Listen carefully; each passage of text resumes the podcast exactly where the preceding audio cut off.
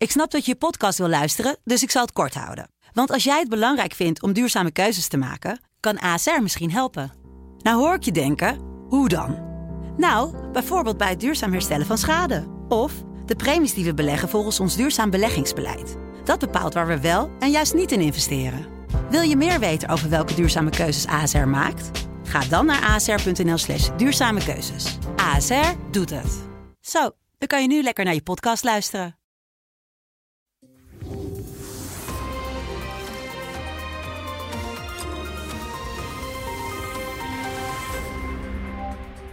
Welkom bij het gesprek met Paul Jansen, de hoofdredacteur van de Telegraaf, waarmee we wekelijks doornemen wat hem bezighoudt in het nieuws. Paul, het kan niet anders, het is het nieuws van de wereld. De val van Kabul was het eigenlijk, maar het was daarmee ook het einde van de westelijke uh, interventie in Afghanistan. Twintig jaar geleden. Twintig jaar geleden. Dat, dat, waar, waar, blijft de tijd dat 9-11 ja. uh, plaatsvond? Ja. Uh, het, is het, het is het laatste hoofdstuk wat een vrij chaotisch einde kent.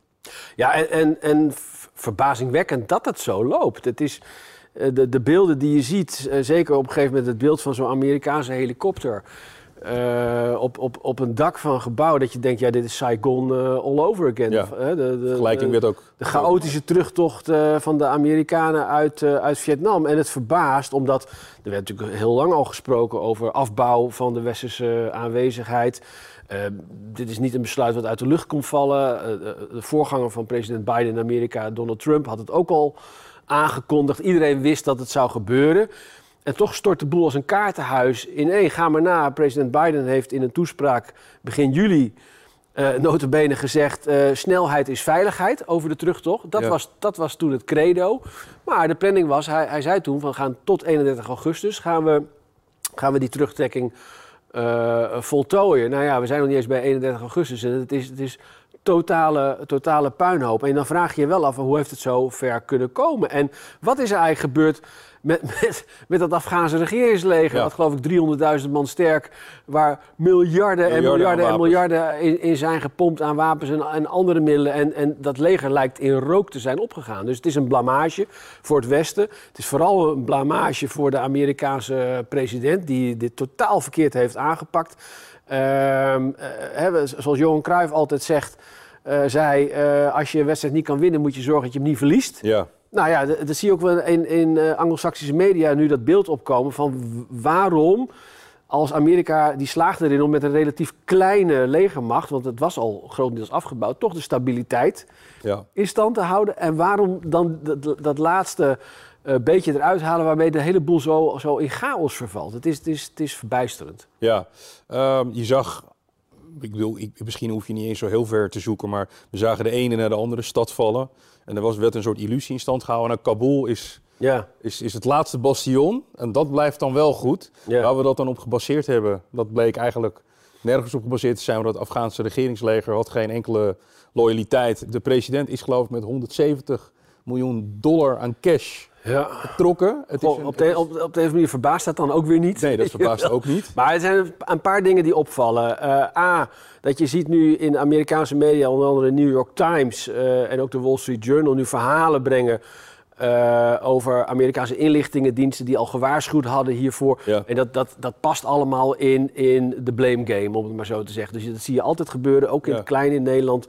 Als de zaken echt helemaal misgaan, dan gaan, gaan uh, betrokken partijen, instituties... Uh, die gaan hun, uh, hun stoepjes schoonvegen. Dat zie je nu dus ook heel duidelijk in Amerika. Via de media wordt gericht gelekt. Ja. Waarbij dus de Zwarte Piet echt bij Biden wordt gelegd. Die ook eindverantwoordelijk is. Laten we, laten we dat Ja. niet vergeten. Het tweede wat opvallend is. Hè, want, uh, de, de schets die jij...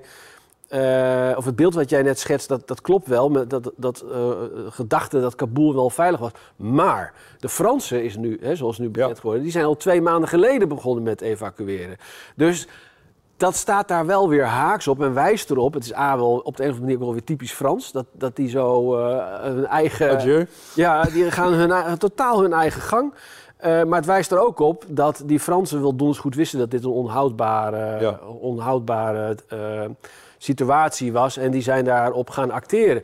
En dat brengt je vervolgens natuurlijk bij Nederland. Ja, Want wat totaal... is er in hemelsnaam aan de hand met, met, met de Nederlandse aanpak? Wat een puinhoop. Die hebben zich totaal gebaseerd op eh, de Amerikaanse woorden van Bastion Kabul blijft veilig. Tegelijkertijd eh, hoorde je wel, ze zijn bezig geweest met dat proces. Ja. Om de mensen, de tolken en de, en de koks en, en, en de treinmensen langzamerhand naar Nederland. Daar hebben ze gezegd dat was een heel traag proces, want het was heel moeilijk te achterhalen wie is nou wat. Uh, ja, en achteraf blijkt dat ze daar gewoon heel simpelweg te laat mee begonnen zijn. Ja, uh, en, en er, er, lijkt onvoldoende coördinatie te zijn. Een paar dingen vallen op.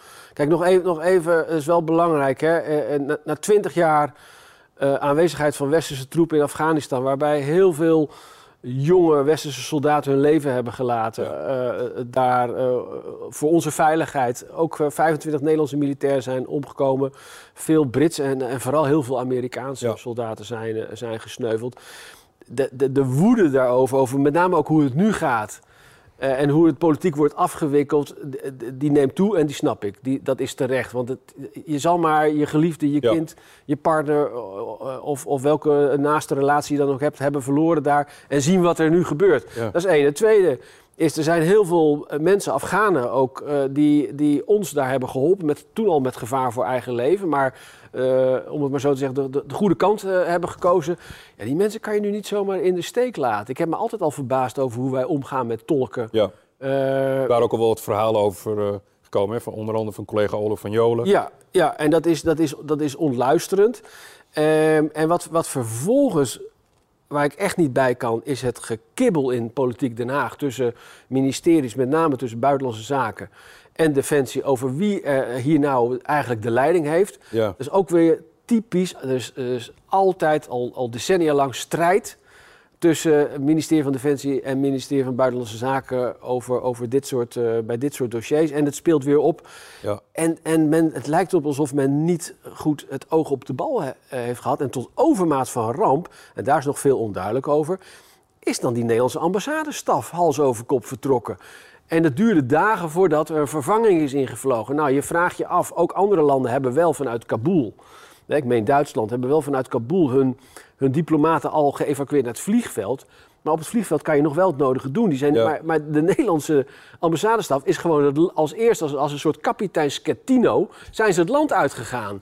Terwijl eh, al- er nog allerlei landgenoten daar wanhopig proberen naar, naar het vliegveld te komen. Ja, ik vind dat verbijsterend. En ik vraag me ook af, daar is nog heel veel onduidelijk over hoe dat, hoe dat zo heeft kunnen, kunnen komen. En dat ze zijn vertrokken voordat er vervanging was. Want je kan dat, hè, ze zeiden, nou, we regelen het vanuit Den Haag. Je kan dat niet vanuit Den Haag regelen, dat blijkt ook wel. Ja. Dan, dan, dan moet je naar een nummer in Den Haag bellen. Dan zit je daar met je prepaid telefoontje in Afghanistan. En moet je even, even naar internationaal Bij het hek in het, vliegveld. en ik heb zelf, Wilson, ik heb zelf als jong verslaggever 1998 de eva- evacuatie van de Nederlandse eh, burgergemeenschap in Jakarta meegemaakt. Dat was de val van Suharto. Totale anarchie, bloedbad in die stad. eh, heel veel plunderingen, brandstichtingen en moorden.